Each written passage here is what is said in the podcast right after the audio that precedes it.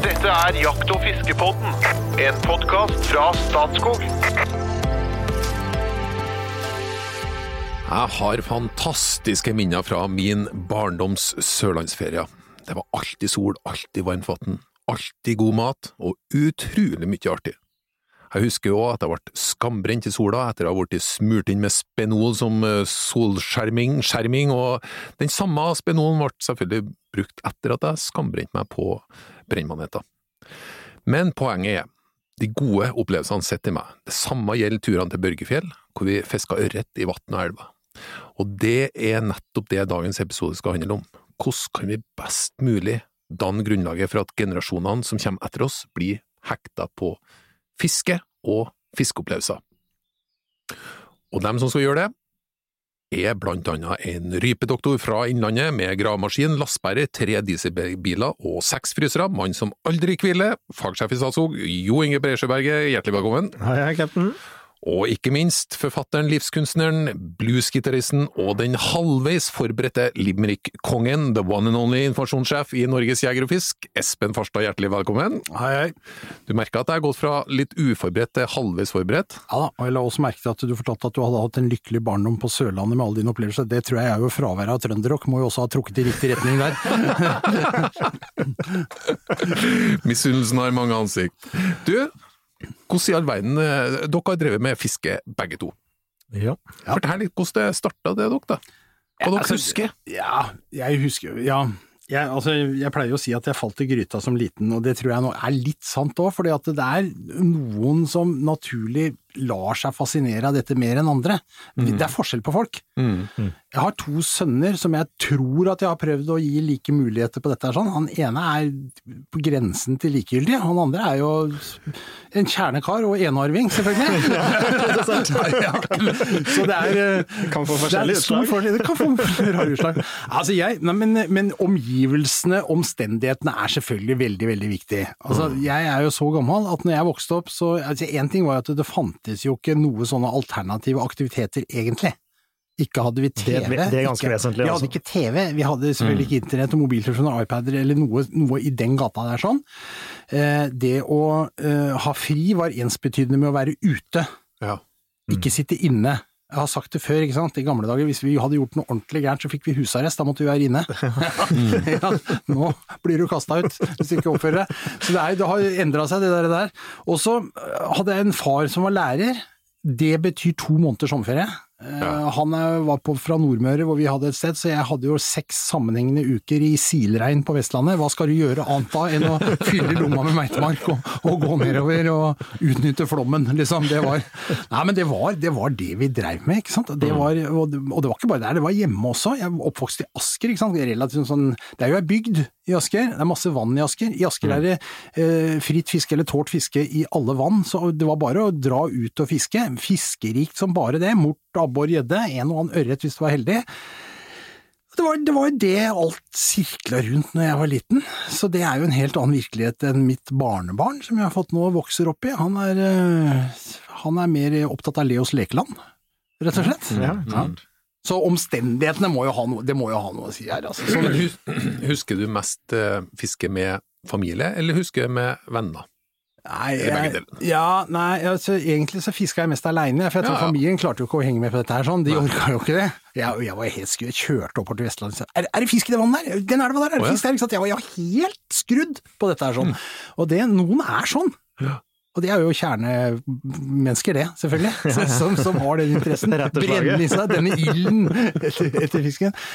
Nei, altså faren min var sånn måtelig interessert, men vi fiska liksom litt nøye. Men, men vi rodde jo ut på ei øy og lå der på en fin sommerdag, så drev jeg og fiska hele dagen. Og sto jeg på Svaberget barbeint liksom, og fiska makrell til vi, han prøvde å si stopp, men det var jo ikke mulig. Vi, vi leverte jo bøttevis med fisk til grisenabobonden, ikke sant, for vi klarte jo ikke å bli kvitt alt. Men det var ikke snakk om noe cash and release den gangen, altså. Nei, jeg lover deg. Og Alt skulle opp og slaktes og gjøres med Ja, ja.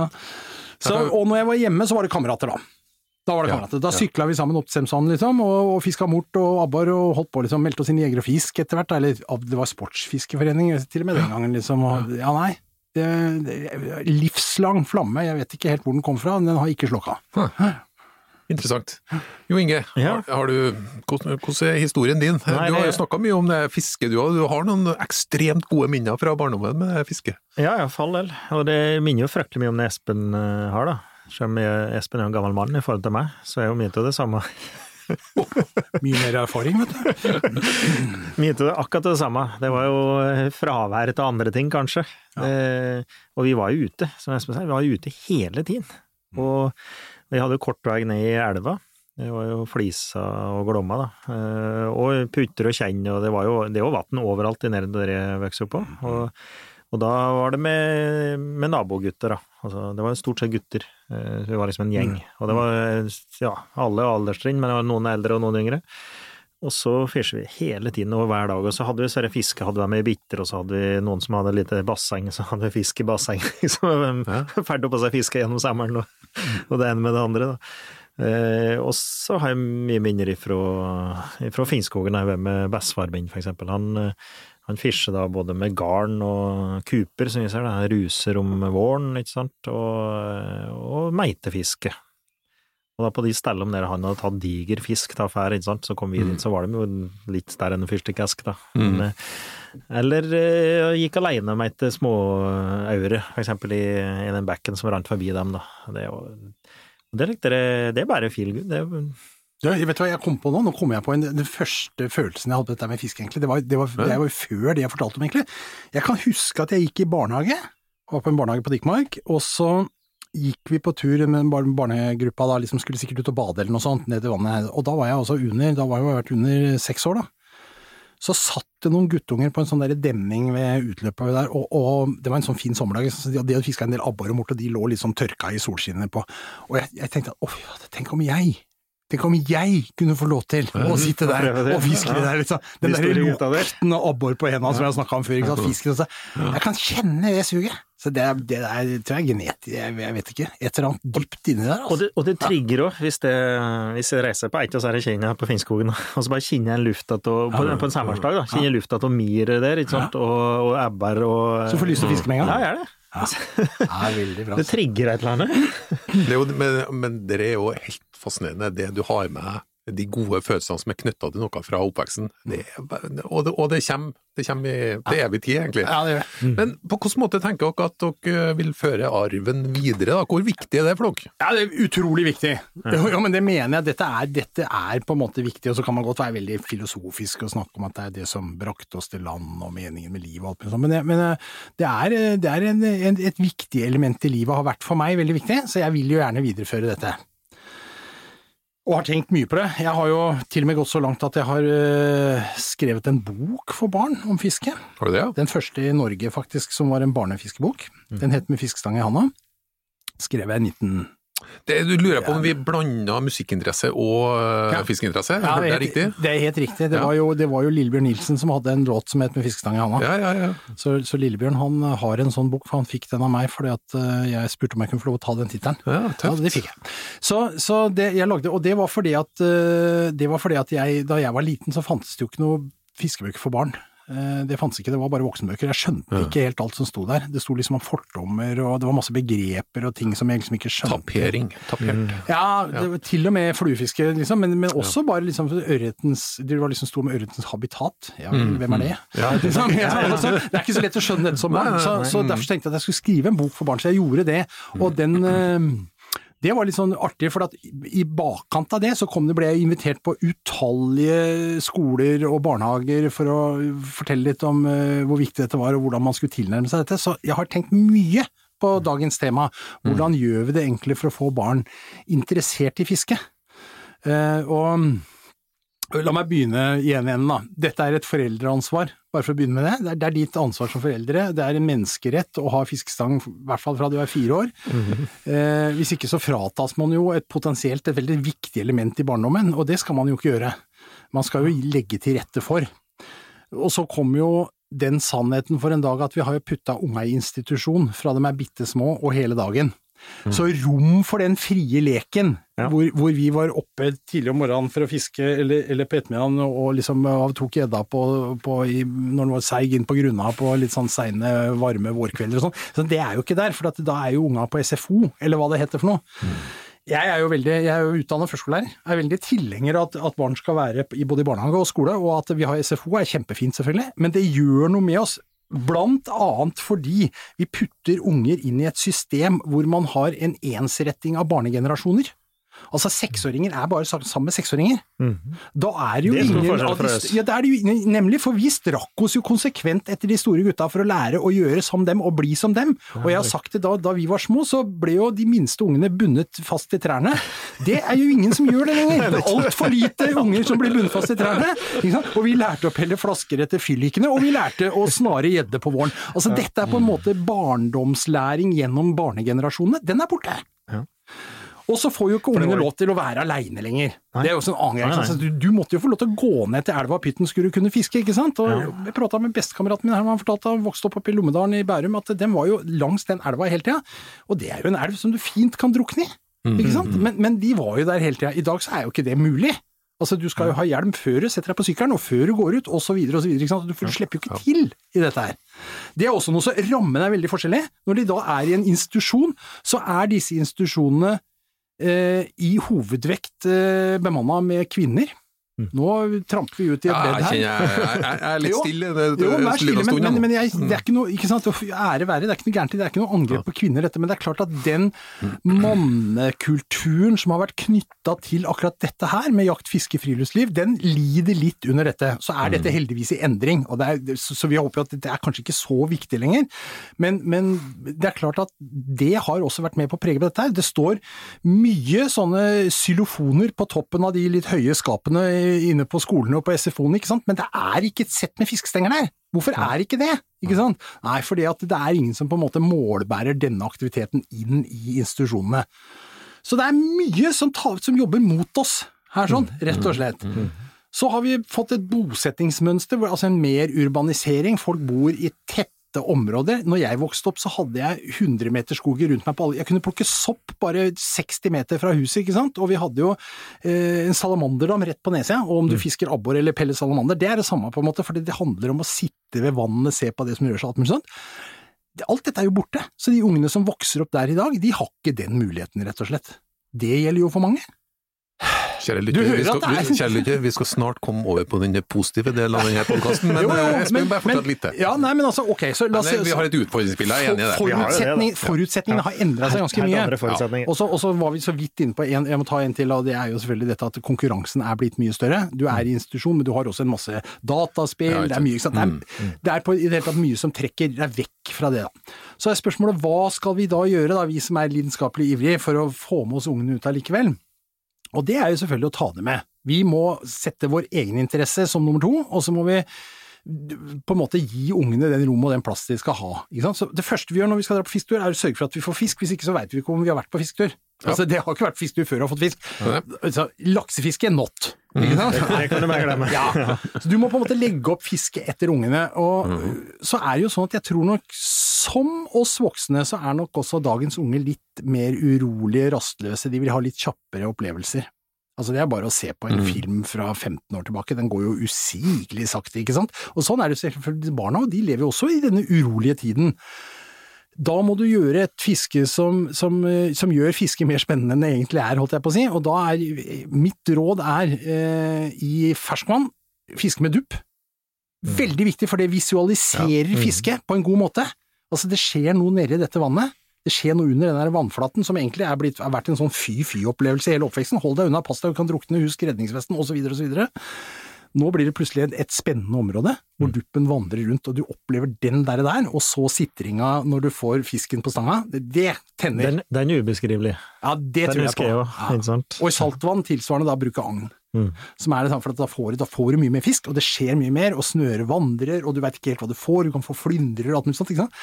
Så det går an å lage et barnevennlig fiske, og det er jo det som skal til for å trigge ungene. Jeg tenkte vi skulle bli litt konkrete. konkret. eh, Hvilken type agn? Saltvann? Kommer an på eh, i saltvann? Ja. Nei, da bruker vi reker. er veldig Reker, Reker er veldig fint, da, for det, det kokt reke sitter på kroken, og alt er lett, liksom. Sild som lukter, makrell, sånne ting. Det funker bra. Fet Blåskjell. Mm. Ja. Blåskjell sitter så dårlig på kroken. Kan koke det, da, men eh, ja. Er Hvilken fisk får du da? Ja, du, da, Nå fisker vi jo stort sett på bånd når vi driver dette fisket her sånn, så normal kystfiske i Norge vil jo være altså du får småtorsk, du får eh, hvitting, du kan få flyndrer. Mye spennende flyndregreier, da. Det er liksom, Du kan få knurr, du kan få litt sånn de der rare fiskene som du ikke får så mye av. Det spiller ingen rolle for ungene. Fisk er fisk, og det kan være jo spennende å få opp en knurr som er rød, og som faktisk knurrer når du får den opp på land. Du veit det?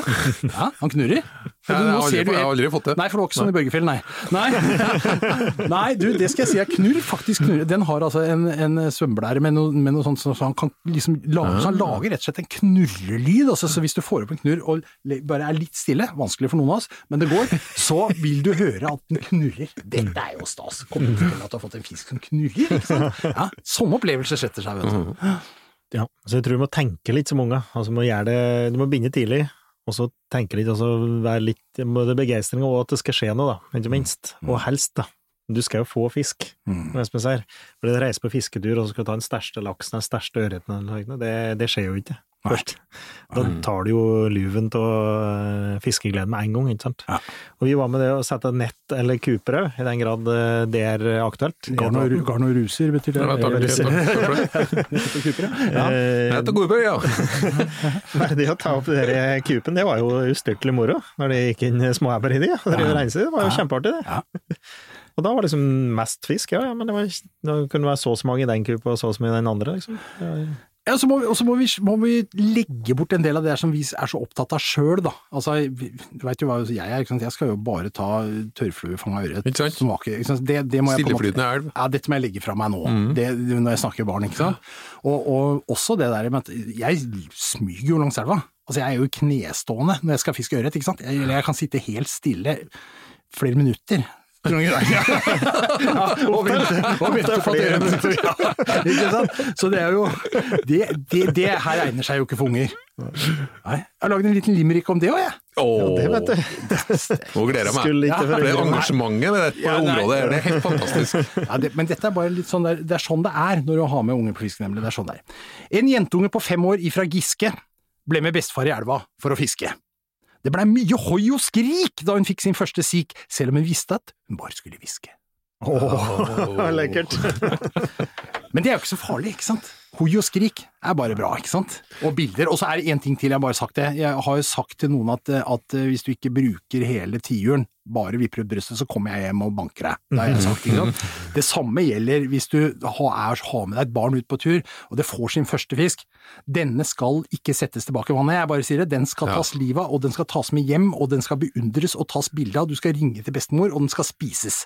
Ja. Om det så er en mort, så skal den det, altså. Det er en liten innsigelse der, Ja. hvis jeg får lov. Ja. For at en, en ting som jeg, som jeg syns er superviktig på tur, det er bål. Ja. I den grad det er lov til å Ja, ja. bål, da. Ja. Eh, Så hvis, det, hvis du kan elde bål på fisketur, til og med uten å få fisk, da, så øker du turgleden. Ja. Men hvis du i tillegg får en fisk som du kan eh, tilberede Ja, der og da på et bål Men det er jeg jo helt enig i, det er jo det samme. Det- det er det. Poenget er at du skal gjøre stas på Ja, fisken ja, og opplevelsen, og at du faktisk har bidratt med noe som vi alle skal være en del av, liksom. Mhm. Det er jeg er jo 100% enig i. Det er jeg helt enig i. Og, og må ikke komplisere det heller, da. Unger er liksom ofte eh, litt enklere enn oss, da, voksne. At de, du må ikke komplisere ting heller. Altså, Gjør det enkelt. Og jeg fischer med ungene mine i båt. Jeg syns det er artig, og så, så drar vi litt, og så stopper og kaster litt. Og... Men det er klart, da skal du rigge ned i båten, da. Hvis det er enklere å bare fiske for brygga, så ja, ja, da fisker vi for brygga. Mm. Du, du må ikke gjøre det vanskeligere enn det det er, da. Og den kanskje viktigste fisken for små barn, det er jo krabbe. Ja, Du, du begynner jo der, ikke sant. Jo, men det er jo det samme det. Du skal jo kikke ned i vannet og bli fascinert og liksom eh, livne til der, da. Så det... Men du var inne på noe med bål. Det, det er også en sånn greie, altså de elementene rundt fisketuren. Mhm. Bål skaper ro, det er spennende, det er gøy, det skaper varme, ikke minst. ikke sant? Små eh, barn er jo små mennesker som fryser lettere enn store mennesker. De må ha ordentlige klær. Dette er viktig. Og de må ha klær som de kan bevege seg i. Mhm. Så det, det er også litt, ja, dette er viktig. Altså, du kan, hvis du støffer dem så den ser ut som Michelin-mannen som sitter foran på lastebiler, så er de på en måte varme i utgangspunktet, men de blir jo helt urørlige. Det er jo drita kjedelig, pluss at du egentlig grunn kommer til å begynne å fryse etter hvert da òg, for det er jo bevegelsen som skaper varme. Så du må, du må kle unga riktig. Altså en sånn der, Selv på fisketur så kan de gå med en sånn parkdress med litt tynn ull inni, ikke sant? da holder de varmen og kan holde bevegelsen. Det er viktig. De må få tilførsel av væske, altså de må, de må drikke ofte. Hvis du går på tur med unger inn til fiskevannet, så på et eller annet punkt så blir ungene hengende litt bak og sutre, krangle med storesøstera og det er vanskelig og sånn, ikke sant. Det er fordi de er tørste egentlig, kanskje også sultne. De må ha tilførsel oftere. Så liksom å tenke på sånne ting, og så lage en ramme rundt fisketuren som er hyggelig. Altså du skal ha en egen sekk, du skal ikke ha fars gamle? For ikke snakke om sovepose hvis du skal overnatte, Eh, og du skal ha egen kniv. Det skal alle barn ha fra de er Ja, det fire år. var litt sånn uh, apropos Ja, det det, vi var litt inne på tidligere. Ja, det er påbudt, det er en menneskerett. Ja, fra fire, i hvert fall fire år så skal Ja, du ha egen ja, ja. kniv. Er ikke farlig, da? Jo, det er det. livsfarlig. Det altså, de unga, som, de unga som skjærer seg ordentlig, eller som brenner fingrene ordentlig, det er jo de som ikke kan fyre bål, eller som ikke har brukt kniv før. Så det er bare, dette skal læres, ikke sant? Ja, det må jo læres, og det må være skerp, altså. Ja, den skal være Her skarp. Skal du ellers lære, lære at den er farlig, da. Nei, som vi har sagt det før, du kan, ikke, du kan ikke gnage deg til jeg selger for dette. Vi har sagt, at det må, det må på en måte gjøres ordentlig, dette her. Sånn. De, de må ha kniv. Så det også, ikke sant, pakke sekken, gjøre litt stas ut av dette, at nå, nå skal vi dra ut og fiske, nå skal vi ha det hyggelig sammen. Ja, ikke minst. Det skal Først være kos, da. Ja, nå skal det ha bli kos. nå skal vi på fisketur. Får du ikke fisk, så har du noen marshmallows eller noen pølser eller sekken, og så spikker du pinner, ikke sant. Og så så det, det, det skal jo være kos, da. Så aner vi at tålmodigheten til oss voksne under fiske er veldig, veldig, veldig mye større enn tålmodigheten til barn. Så det, jo, det handler kanskje òg om å til, til, tilpasse seg en annen Ja, men, men så kan vi jo, vi, vi må ikke tvinge ungene inn i en fiskesituasjon. Hvis du drar et sted til et vann og fisker, og så blir ungene lei.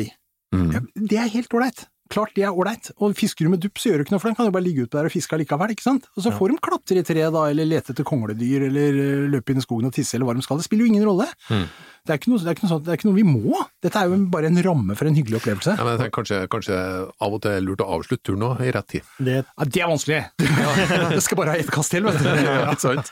men, men jeg tror det er et poeng, ja. Altså, du slutter i rette tida. Men, det, men det sånn som Espen sier, da, hvis det er, eh, ikke er noe spennende akkurat fiskinga, så er det jo å klatre i trær eller gjøre andre ting. Og når det blir kjedelig, når det ikke er på en måte en du har prøvd det meste, så er det ja, da får jeg heller reise hjem igjen. Det ble ikke noe fisking på far i dag.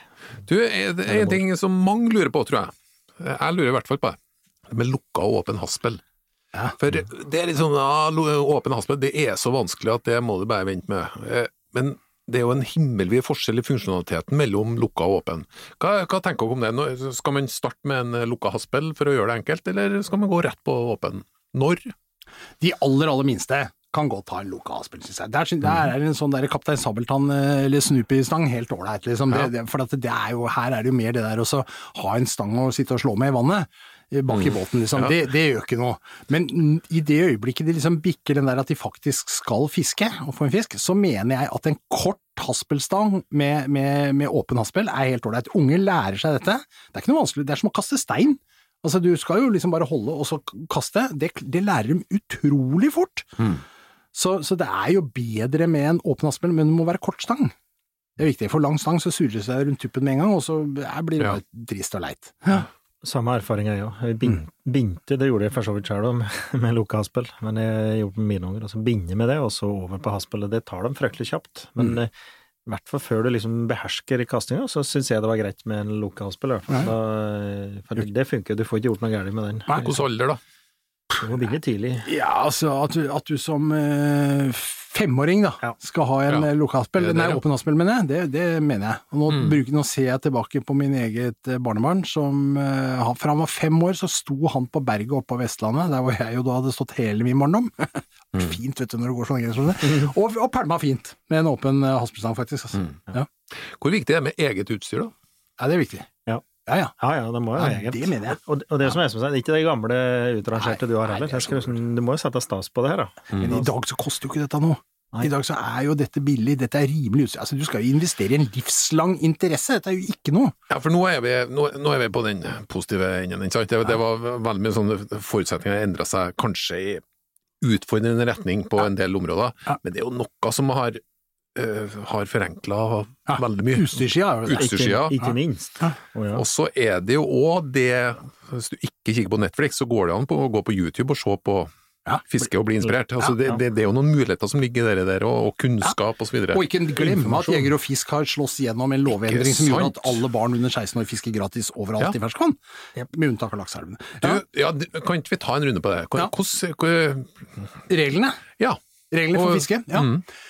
I Norge er det en eh, allemannsrett å fiske i sjøen. For alle. Og det kan du med stang og håndsnore, så kan du dra ned og fiske i sjøen overalt. Det fins en og annen fredningssone utafor en sjøørretelv, men det er så unntaks... Trenger du sånn generelt fiske, og fisk med barn, så trenger du ikke bry deg Altså, det sier seg sjøl, på en måte. Eh, Når det gjelder ferskvann, så er fiskeretten ligger til grunneierretten, så det er grunneieren som bestemmer om du har lov til å fiske i et vann eller ikke.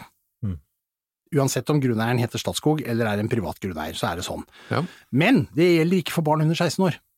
Der er det nemlig lovbestemt at barn har rett til fritt fiske når de er under 16 år i ferskvann. Unntaket er i, i noen lakseelver, du kan ikke komme inn i en lakseelv og begynne. Men du, hvis du går over Hardangervidda eller Finnmarksvidda eller uh, Rørosvidda eller hvor du er hen, så kan barna fiske. Her det måtte være. Ja. Så det, det er ut av grunneierrettene, det er fritt. Det er faktisk tatt ut av grunneierretten, ja. Altså, det var jo ikke uten konflikt i sin tid, men dette er jo et resultat av en samfunnsutvikling hvor vi ser at det er noen utfordringer i forhold til å få barn til å fiske, som jo er et politisk mål, at vi skal ha et aktivt friluftsliv i dette landet hvor fiske inngår i dette. Og for å senke terskelen og sånn da, så har man altså tatt bort dette med kravet til fiskekort for barn. Det er bra! For, for det er en reell utfordring at uh, høstingsbasert friluftsliv går ned, altså fisking der, det, interessen går ned litt, dessverre. Men det stopper ikke ved det, 16 år. Da, da, da snakker vi om de, de nasjonale, generelle reglene. Og så er det noen flere muligheter. Statskog er enda mer. Ja, da kan jo lokale grunneiere eller jeger og fisk eller dere der som forvalter våpenet, kan jo ha egne regler. Ja. Altså egne fiskeregler. Vi har da sett 20 år. Ja, så du kan ikke gå ned selvfølgelig, men du kan gi mer rettigheter. Det kan jeg gjøre. Ja. Ja, Du kan ikke innskrenke den rettigheten som Stortinget har bestemt gjennom å fastsette lakseinnlandsfiskeloven, Men du kan du kan men du kan utvide den. Ja, Ja, Det kan du gjøre. Og mange steder så er det jo altså Jeg nevnte Asker, her er det tålt fiske som det heter. Alle vann i Asker, med unntak av ett, kan man altså hvem som helst fiske uten å måtte forholde seg til noe fiskekort i det hele tatt. Og sånn er det jo mange steder, men Ja. du plikter å undersøke. Det gjør du. Ja. Eh, Og, det er jo veldig, i hvert fall, og jeg syns kanskje man skal være litt spesielt oppmerksom på det når man har med seg barn. For selv om barna fisker gratis, så skal ikke du gjøre det, eh, med mindre du har fått tillatelse fra grunneieren. Så det er jo veldig dumt hvis grunneieren kommer og er kjempesinna for at du fisker i vannet hans, også, mm. eller hennes, og så Går det utover unga? så, ja, så, Vi skal jo ikke lage noe utrivelig rundt fisketuren. Nei. Men hvor går grensa mellom eget fiske og barns fiske? Altså Hvis du hjelper dem med litt uh... Ja, du kan, du skal, barna skal fiske selv, men, men du har jo lov til å hjelpe dem underveis her sånn. Altså, men Ja. det, er, det er jo ikke noe eksakt vitenskap. Det kommer lensmannsskjønnet inn, altså. Ærlig talt, nå var jo Inge på det, vi har en utfordring at det er færre som bruker naturen, færre som fisker. Det vil si færre som bryr seg om naturen. Altså at noen tar med unga ut og gidder å gjøre denne jobben, og lærer opp ungene sine. Man burde jo som grunneier dele ut roser på vei inn i skogen til disse menneskene, ikke sant. For dette er jo framtida. Ja. fisketrygdavgift, hva er det for noe? Det er en fiskeravgift. eh, Trygd var et ord fra gamle dager. Fiskeravgift, det betaler du nå bare når du skal fiske anadrom laksefisk, altså laks, sjøørret og sjørøye, i elv eller vann, ferskvann. Da betaler du dette. Ikke på vanlig ferskvannsfiske. Ok. Nei, så du og jeg trenger ikke det når vi skal fiske i Børgefjell, men vi må løse fiskekortet hos grunneieren. Nei, men dette, nå syns jeg det fa- falt opp til flere ting på plass. Eh, når, for å gå på det som virkelig interesserer deg, når kan det være aktuelt å introdusere barn for fluefiske? Nå skulle Tore Rydgren vært her, vår fluefiskementor i denne podden. Han, har, han, han, begynte jo, tidlig. Han, han begynte prater om veldig tidlig. Fire år eller et eller annet, Ja, han det. sine. men det Ja. tror jeg er ganske tidlig. Ja, jeg kjenner også at jeg syns det er litt tidlig, men det, altså, så fort de har lyst, Ja. tenker jeg, skal de få lov til det. Og da skal vi tilrettelegge med korte stenger og gjøre alt vi kan. Så fort de har lyst, og det er klart hvis du har en far som Tore Rydgren, så er det jo det, det, Ja, det hjelper, ja. det hjelper nok. Ja. Jeg tror det. Men, eh, men det, er jo ikke, det er jo ikke så viktig. Altså Det viktigste for barna er jo opplevelsen ved å være med på tur. Det å få fisk, og det å være med å fiske og få fisketenninga. Hvis de attpåtil får fluefisktreninga, så er det fint, det, men det er jo ikke noe must, det. Mm, mm. Hvordan tror du dere det går fremover, da? Ja, det er å ikke kunne svare på det. Men eh, nei, det som vi ser som sagt at det er en viss nedgang i eh, høstingsbasert friluftsliv. Det er jo det er jo forsket på, så vi vet at det er en viss nedgang. Men, eh, men det er ikke like alarmerende nedgang. Og jeg tror ikke vi Altså, samfunnsendringer det er vanskelig å kjempe imot. Og det at og ungdom vil sitte og spille på, på nett eller på en telefon, liksom. Det, det er vanskelig å, å stå imot den kampen der, da. Men det står jo først og fremst på oss foreldre og, og, og rollemodell, da. At vi, er, vi tar med dem ut og prøver. Så jeg er litt sånn, Det positive delen av den podkasten, kan det være sånn at vi nå går i retning av et litt mer bærekraftig samfunn? Ja, der det blir nemlig. mer Og det populært? skal, er du, du, du Ja, tok ordet av munnen på meg nå, for at jeg tenkte jeg skulle si noe om det at dette koronaåret som vi har hatt bak oss, eller i den tida, det har jo vist at veldig mange har, har funnet tilbake til naturen som en sånn fristed fra alle restriksjoner og sosial distanse og alt dette som vi har vært plaga med nå. Så det der å komme ut har vært en utrolig sånn lettelse. Jeg tror mange har gjenopplevd det. Vi ser jo altså, vi, vi selger jo dobbelt så mye fiskkort som vi gjorde før koronaen, ikke sant. Så det er en enorm Ja interesse rundt dette nå. Så egentlig så er liksom litt konklusjonen er jo på en måte at velstandsutviklingen har, har gått, den har blitt vår fiende på en måte også, ikke sant? Og, og jeg tror vi kanskje nå, det var litt sånn aha-opplevelse dette her, kan tenkes at vi tipper tilbake og reiser til Thailand og eter våre scampi der nede, men jeg, jeg tror på en måte at det er mange som også har opplevd at det å være ute i naturen og sånn har en verdi kortreist mat, altså fisk som enhver verdifull matressurs, alt dette er sånn. Så jeg, jeg er ikke fullt så øh, defensiv som Jo Inge da, på dette her. sånn. Jeg tror at dette har, det er liv laga for fiske. Hele ting optimister. Ja. Ja. ja, ja. Vi er jo fortsatt eh, kanskje et av verdens mest fiskende folkeslag, da. så det er jo fortsatt håp. Jeg prøver å etablere at vi eh, ja, på Statskogs eh, friluftsside at vi driver med store opplevelser og små avtrykk. For det tror jeg er Ja. Ja, det er litt av fremtida. Men eh, vi skal begynne å, begynne å lande etter hvert nå. Men finnes det ikke noen sånn ekstra, ekstra muligheter på tvers av generasjoner? For det én ting er, eh, er dine barn.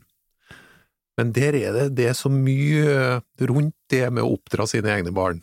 Mens det, hvis du hopper over en generasjon, og du skal gi dine barnebarn eh, opplevelser, så slipper du å ta det hele oppdrageransvaret, Ja. men du, du har kanskje en, en litt annen mulighet til å lage noen opplevelser. Ja, du skummer, helt åpenbart. Du Og bare ti ofte har de òg. ja, du skummer jo fløten av, av det hele det. barneoppdragelsen. Ja. Dette er jo- Ja, dette er midt oppi det, altså. Det er helt riktig. Ja, men det, det er sant, det. Og, Og det må jo være sitt ansvar bevisst òg. Tenk å gjøre noe så hyggelig med barnebarna, da. Ja, ja. Nei, altså, dette, jeg- men det tror jeg, jeg, jeg tror veldig mange gjør det jo, jeg. Ja, ja, ja for all del. Altså, jeg tror veldig mange av, av den generasjonen, eh, altså besteforeldregenerasjonen, syns at dette er fint. Og ikke minst så de som da er besteforeldre, har jo all hovedsak kanskje prøvd dette her sjæl òg, da. Sant, Slik som vi prater om. At mm. vi har opplevd det ifra den du ikke hadde noen andre ting. Så du har jo vant til at det, det var jo fishing, og det var jo å være ute og aktiviteter. Så de har det på en måte De har jo fasiten, de. De kan jo, kan jo bringe det videre, da. De kan ikke gå glipp av det leddet der. Så Mm. nei, det er et stort ansvar. På de beste foreldres skuldre. Kjære lytter, jeg håper det kom eh, gode tips og god inspirasjon. Vi skal gå ned for landing, og vi skal selvfølgelig ha en liten hot or not før vi fader helt ut. Men aller først, verv gjerne en venn eller ti inn i podkasten. Vi har god plass til flere. Og har du lyst til å gi oss en anmeldelse på Apple Podcast, er du mer enn velkommen til å gjøre det. Er du klar for hot or not? Ja, ja. Jeg, har en, jeg, har en, jeg kjenner jo dere litt etter hvert, så nå har jeg en spesiallaga en, og da, du skal få lov til å starte nå, Espen. Mm. Laksetaco, hot or not? Not.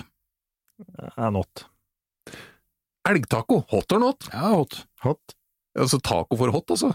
Ja, altså, med elg så syns jeg det går, men laks så går går ikke. Når du sier laks, Jeg tenkte jeg skulle som skape full indre opprør i deg nå. Nei, nei, nei. Ok, pukkellaks, hot or not? Ja, det er not. Not her, i hvert fall. Albinoelg, hot or Ja, not? det er veldig hot. Ja, det er litt hot. I taco. Ja, I tacoen. Beverjakt, hot or not? ja det er hot. Hot.